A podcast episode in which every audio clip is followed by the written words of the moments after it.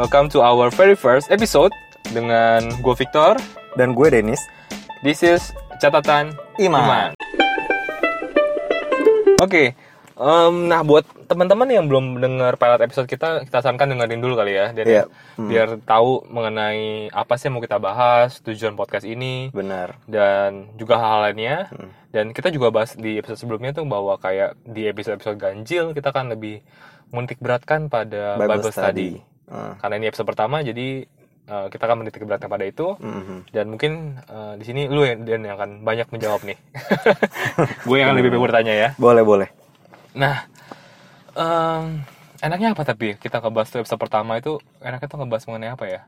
Sebenarnya kalau menurut gue yang enak Hmm. kita bahas pertama karena memang nama kita adalah catatan iman. Oke. Jadi of course yang enak sebenarnya adalah yang ringan-ringan dulu yang akan kita bahas pada podcast pertama kali ini mungkin lebih ke arah iman ya Tor ya. Oh, Karena oke. memang iman adalah awal daripada perjalanan kekristenan kita juga gitu loh. Yes, yes. Gimana, yes, bro? yes.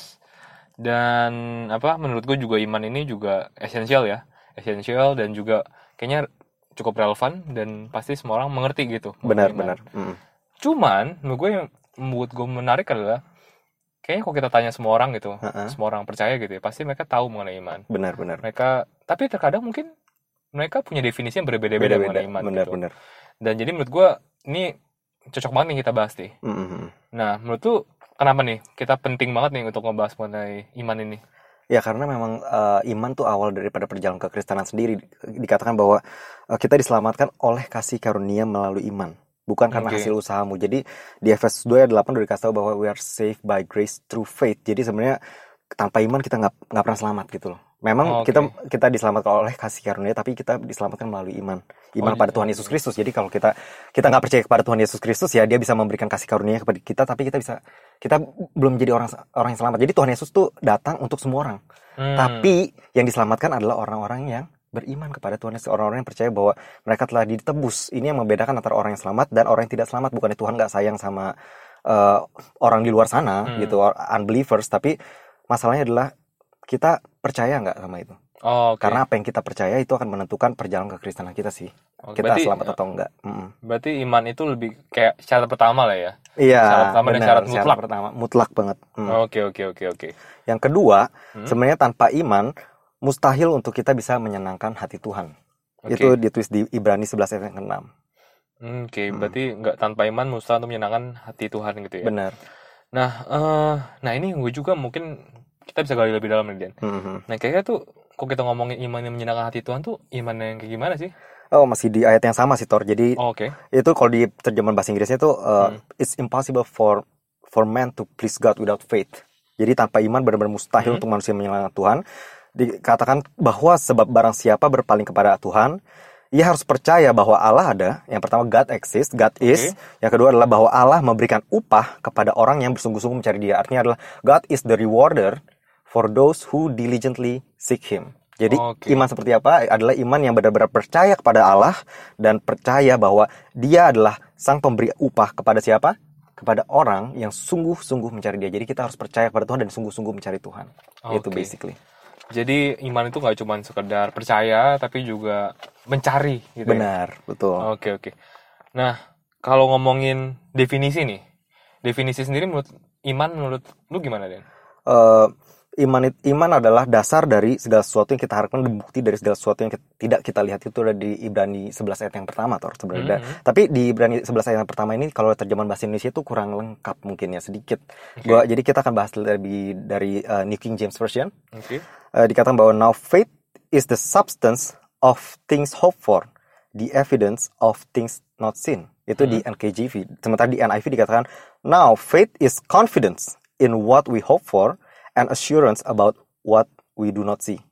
Oke. Jadi menurut lo apa apa yang kurang Tor antara per- terjemahan bahasa Indonesia dengan terjemahan bahasa Inggris?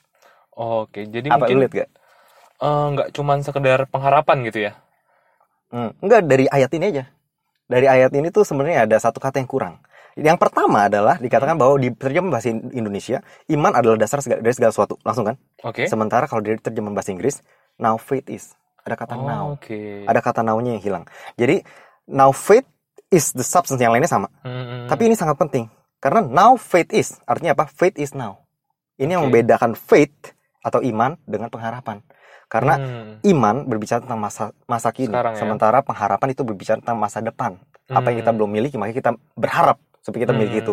Dan iman itu bukan pengharapan. Pengharapan nggak bisa digantikan dengan iman dan iman nggak bisa digantikan dengan pengharapan.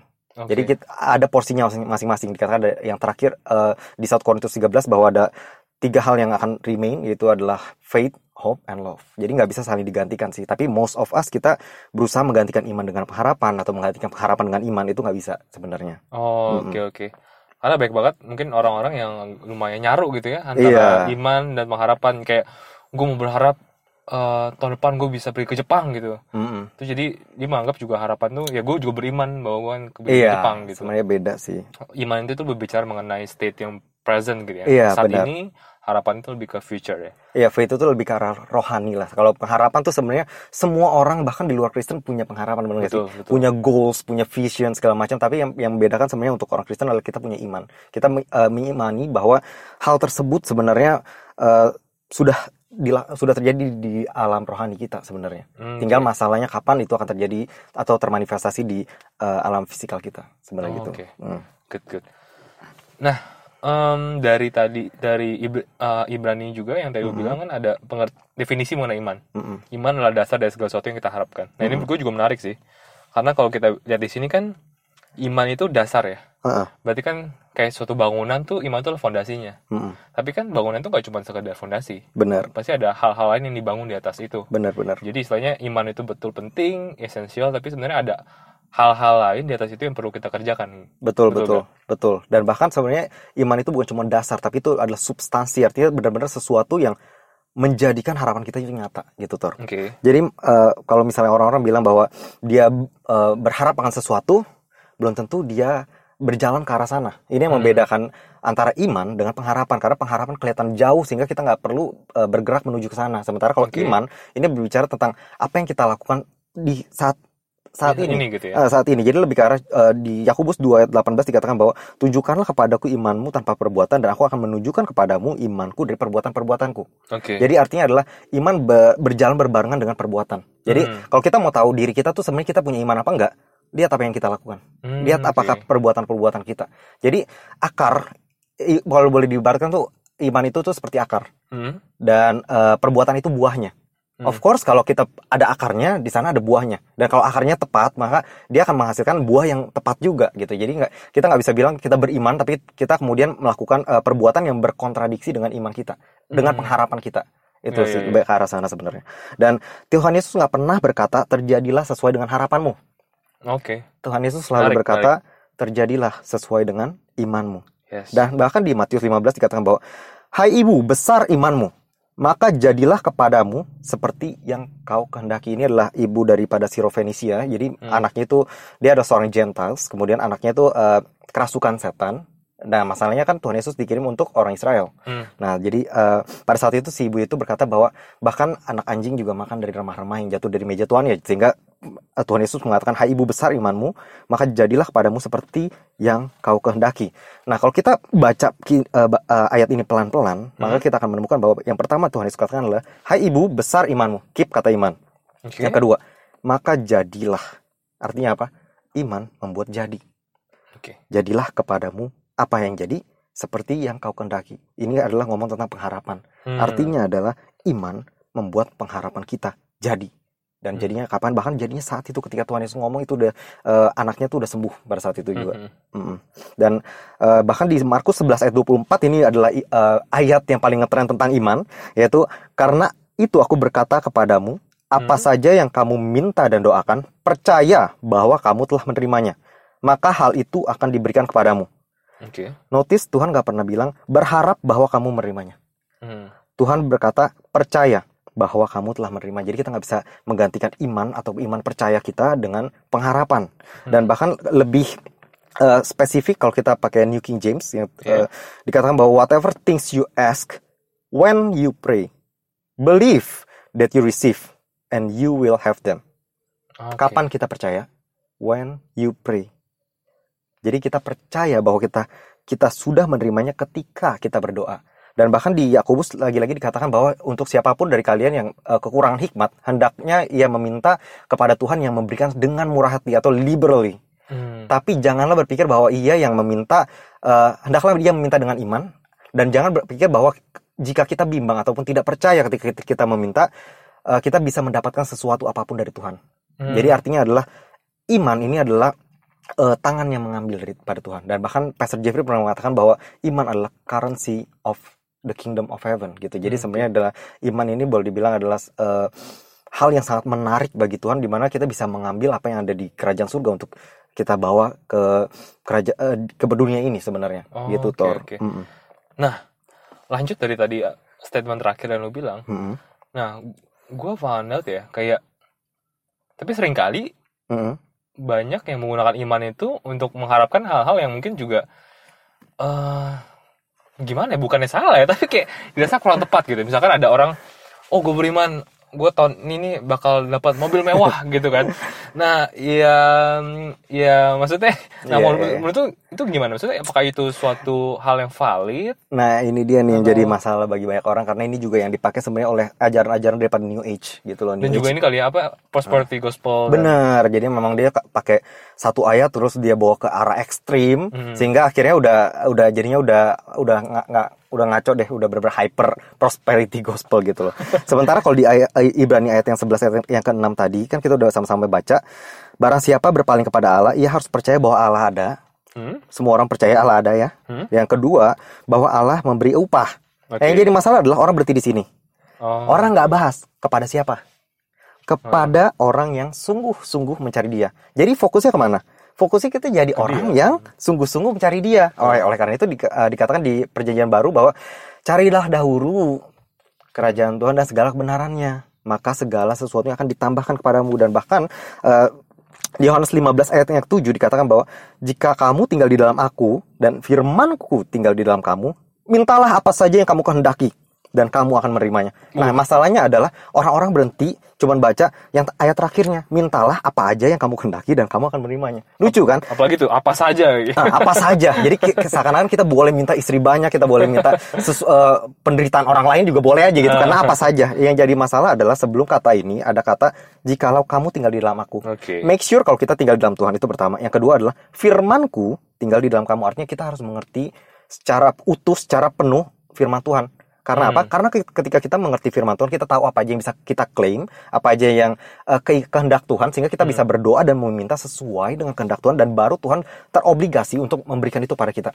Jadi Tuhan tuh nggak terobligasi atau tidak wajib memberikan ke- kepada kita apa saja yang memang dia nggak pernah janjikan untuk kita loh. Oke. Makanya itu penting dikatakan bahwa kita harus tinggal di dalam Tuhan dan firman Tuhan di dalam kita supaya kita bisa meminta sejalan dengan eh, apa yang memang tu- kehendak Tuhan, apa yang memang sudah Hmm. Tuhan janjikan sehingga ketika kita minta apa saja kita pasti menerimanya. Oke, oke. Nah, untuk ngebahas tadi yang lu bilang eh, boleh nggak kalau mobil segala macam, eh, boleh nggak kalau kita minta mobil ataupun rumah besar segala macam itu sebenarnya eh, kalau kita sudah mengikuti yang tadi gue bilang bahwa kita udah menjadi orang yang sungguh-sungguh mencari Tuhan dan kita memang sudah menge- mengerti keseluruhan firman Tuhan, maka ayatnya di Filipin 4 eh, ayat yang ke-19 dikatakan bahwa Allahku akan memenuhi segala keperluanmu menurut kekayaan dan kemuliaannya dalam Kristus Yesus. Ini untuk orang step 2 ya. Jadi untuk orang-orang yang udah qualified step 1 dulu bahwa kita udah mengerti firman Tuhan dan mencari Tuhan. Yang kedua stepnya adalah Allahku akan memenuhi segala keperluanmu. Nah, kebutuhan lu yang mobil itu itu kebutuhan material. Iya. Itu termasuk segala keperluan nggak? Segala itu segala. Segala itu ter- termasuk kebutuhan material, kebutuhan pangan, basic, kebutu- kebutuhan apa, apa- apa pun itu, Hmm. spiritual itu termasuk nggak? Em, yang enggak enggak juga sih. Itu termasuk Ton. Itu termasuk. Makanya dikatakan bahwa di sini Allahku akan memenuhi segala, bukan cuman eh, satu part dari keperluan kita, tapi segala keperluan kita, Tor. Nah, ini yang Oke. Eh, tapi jangan juga gue bilang jangan juga kita langsung lompat ke ayat ini kemudian kita bisa klaim apa aja karena kita harus ada step yang pertama adalah bahwa kita harus tinggal di dalam Tuhan dan firman Tuhan di dalam kita. Baru kita bisa klaim hal-hal yang memang kita perlukan di- eh, dengan motif yang tepat ya. Maksudnya otomatis kalau kita memang udah lewatin step yang pertama kita punya motif yang tepat. Kalau kita memang butuh rumah dengan ukuran besar atau itu memang menjadi hobi ataupun kebutuhan kita maka itu termasuk dalam keperluan kita dan eh, Tuhan mengatakan bahwa ia akan memenuhi segala keperluan kita, bukan menurut keperluan kita, tapi Hmm. menurut kekayaan dan kemuliaan dalam Kristus Yesus. Artinya Tuhan Yesus kaya nggak? Kaya. Kaya. Jadi otomatis apa pun yang kita minta di dunia ini sebenarnya adalah sesuatu yang kecil buat dia. Hmm. Dan di, di sini dikatakan according berdasarkan kekayaan dan kemuliaannya. Jadi kita bisa minta itu nggak salah gitu. Kita minta mobil, kita minta rumah tuh nggak salah. Tapi make sure kita udah tahu dulu step yang pertama itu sih Tor. Dan Oh, kita oke. eh, jadi kita punya motif yang tepat kalau kita mau jadi orang terkaya tujuannya apa? Apa kita mau bangun gereja, kita mau eh, kita mau bantu semua orang susah? Ya itu nggak masalah buat Tuhan. Tuhan Hmm. nggak masalah membuat kita kaya selama kekayaan tersebut nggak memiliki kita gitu Tor. Hmm, Mm. Oke oke oke.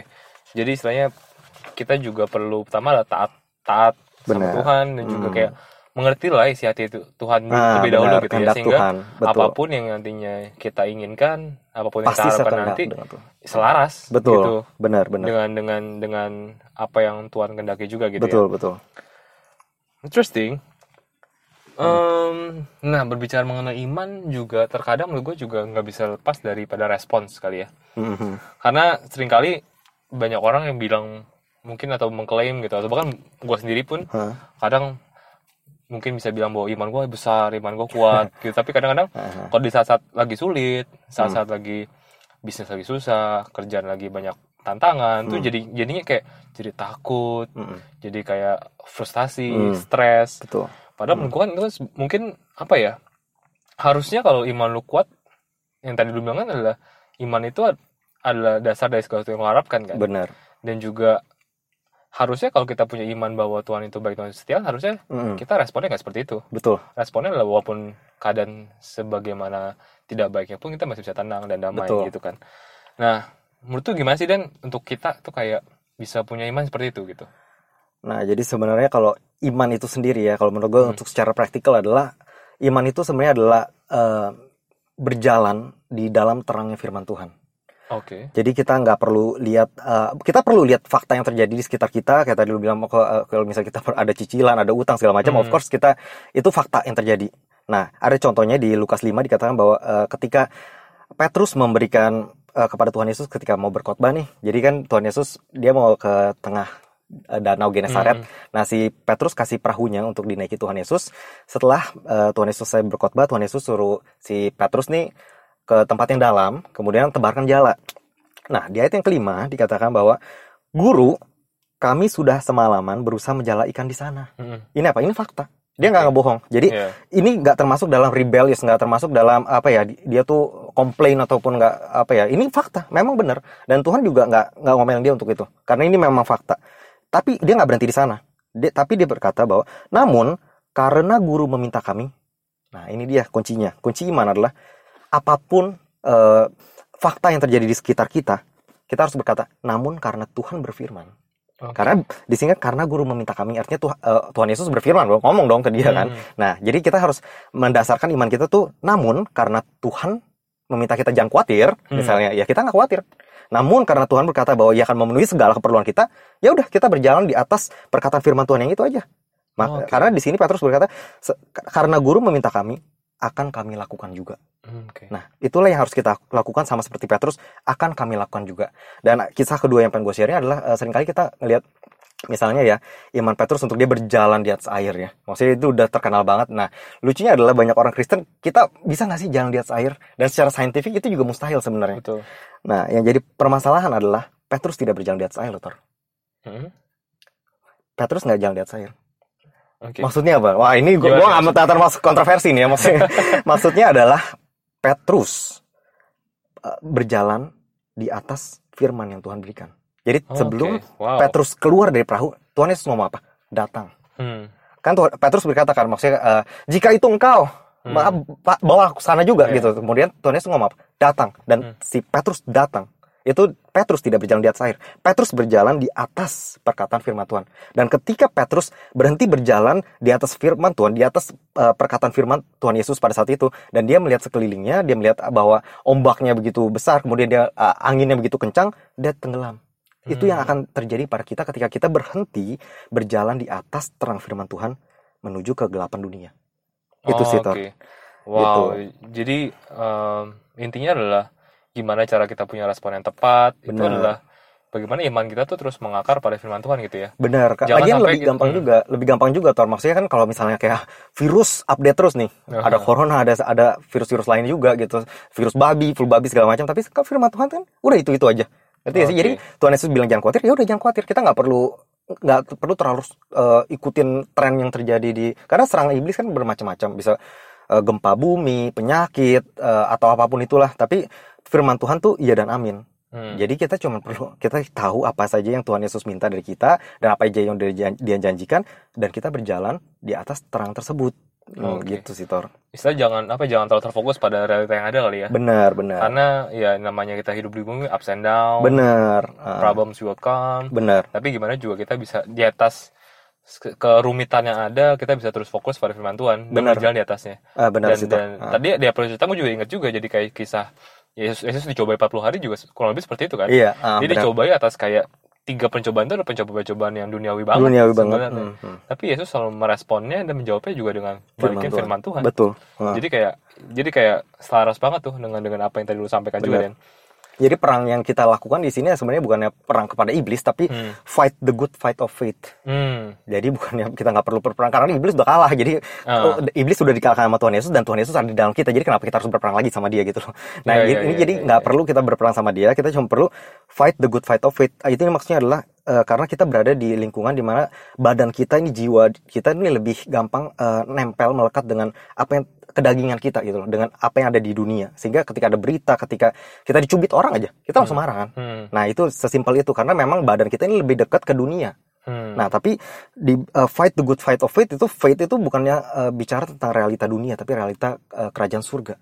Itu bicara tentang realita rohani atau uh, Hmm. alam roh. Jadi kita memang harus gimana cara kita tetap terus hidup dibimbing ataupun dipimpin oleh Roh Kudus gitu sih sebenarnya. Oke. Dan uh, satu kisah terakhir yang gue pengen adalah Oke. kisah Israel ketika uh, kurang lebih 2000 orang Israel tuh keluar dari Mesir, Hmm? rombongan di bawah Musa nih Iya, iya. non feeble nggak ada yang sama sekali nggak ada yang lumpuh karena mereka setelah uh, mereka makan roasted lamb jadi itu adalah gambaran daripada Tuhan Yesus yang mereka makan dan mereka sembuh total semuanya isinya nggak ada yang uh, lumpuh pada saat itu mereka keluar dari Mesir kemudian uh, mereka uh, sampai di Kadesh dan di Kades itu uh, dia mengirim 12 mata-mata dan 10 orang yang ini udah terkenal banget 10 orang membawa berita buruk. Hmm. dibilang bahwa raksasanya besar-besar dan bahkan lebaynya itu adalah dibilang bahwa itu adalah buminya tuh makan memakan penghuninya gitu Ah. tanahnya makan penghuni itu nggak masuk akal banget. Kalau kalau gitu harusnya raksasa itu udah nggak ada. Bener gak sih? Itu udah Hiperbola ya? itu hiperbol banget. Tapi itu membuat orang Israel nggak masuk ke kanan. Hmm. artinya apa? Tuhan udah berjanji. Itu udah buat lo tapi mereka gagal menerima janji itu Oke. yang membuat mereka gagal masuk ke tanah Kanaan atau menerima janji Tuhan bukan karena raksasa itu besar, tapi karena mereka percaya bahwa raksasa itu raksasa itu besar lebih daripada mereka percaya kepada Tuhan. Hmm, Itu sih. Itu adalah iman maksudnya itu. Kita bisa lihat fakta yang ada. Masalah besar nggak apa-apa. Tapi make sure kalau kita lebih percaya Hmm. sama Tuhan yang udah memberikan janjinya bahwa dikatakan bahwa Abraham is fully persuaded. Artinya adalah dia benar-benar percaya bahwa kepada Tuhan bahwa Tuhan yang sudah berjanji mampu able untuk uh, memenuhi janjinya. Itu aja sih Tor. Betul betul. Mm. Jadi interesting sih. Justru di saat-saat seperti itu, masa-masa sulit itu justru iman kita mau kelihatan. Benar. Akan akan terlihat. Jalur mana yang kita mau ambil Benar, gitu ya. Apakah kita mau stick on firman Tuhan atau kita mau justru fokus pada realita yang ada. Benar, benar banget. Kalau mau lebih tahu tentang uh, iman sih sebenarnya di perjanjian lama tuh kalau kita kan di perjanjian lama mereka nggak punya Roh Kudus ya. Jadi Hmm. maksudnya raja-raja di perjanjian lama kita tahu nih kemampuan iman mereka di mana. Misalnya mereka uh, ditolong sama Tuhan sekali gitu. Hmm. Nah, uh, mereka percaya pada saat itu. Kemudian ada uh, negara Syria nih mau nyerang mereka lebih, lebih besar.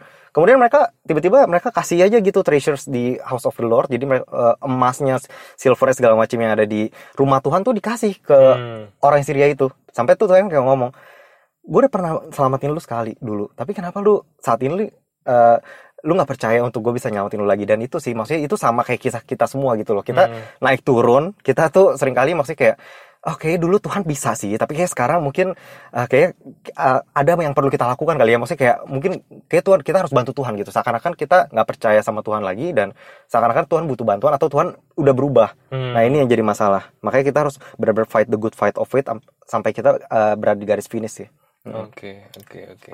Good, good, good.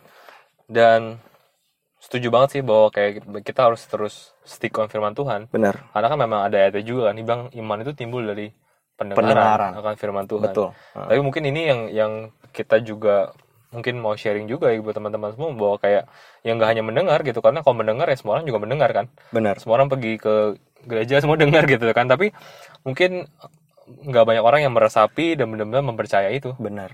dalam dalam hati dia dan saat Benar. masalah itu datang benar-benar bisa memperkatakan firman itu kembali. Benar, benar. gitu. Banyakan orang cuma jadi the hearer of the words gitu kalau Yes, kata yes, Yakobus. Nah, kita harus menjadi doer bukan cuma menjadi hearer sih, bukan cuma menjadi pendengar tapi juga menjadi pelaku firman Tuhan gitu. yes yes yes. Good good. Oke em, nggak terasa kita udah eh, hampir 20 menit kayak Den? Lebih 25 menit nih kita kita berbicara mengenai hal ini. Dan kita udah sama-sama eh, discuss dan juga belajar mengenai kenapa iman itu penting. Iman seperti apa sih menyenangkan hati Tuhan? Mm. dan kira-kira bagaimana sih iman kita diperhadap, diperhadapkan dengan realita yang ada? Mhm. dan sikap iman kita yang tepat itu seperti apa gitu ya? Haha. kira ada ada gak Dan yang terakhir yang ada yang missing yang kita belum bahas Mungkin kalau kita mau bahas lebih panjang kayak iman ini panjang banget, luas Oke. banget, banyak banget sih contohnya mungkin untuk saat ini ya kita bahas sampai di sini dulu. Semoga kita punya pemahaman yang Oke. lebih baik lagi terhadap iman dan mungkin ke depannya kita akan juga akan rewind lagi dengan contoh-contoh yang berbeda. Eh, tapi eh, untuk yang saat ini kita mungkin eh, akan berhenti sampai di sini aja untuk pembahasan imannya karena udah panjangan juga Tor. yes yes yes dan pokoknya eh, buat teman-teman semua jangan jangan miss the next episode karena next episode-nya pasti kita akan bahas dengan topik-topik yang gak kalah serunya. Betul. yes dan eh, oke mungkin itu aja sek- sekian untuk iman dan juga eh, buat teman-teman semua jangan lupa untuk eh, follow Instagram kita. Di mana deh At catataniman.id atau boleh juga sekalian follow IG kita di eh, gua di @denis.johan. dan gue di Elvita Aditya. Dan feel free untuk bisa follow buat tahu episode-episode terbaru dari kita.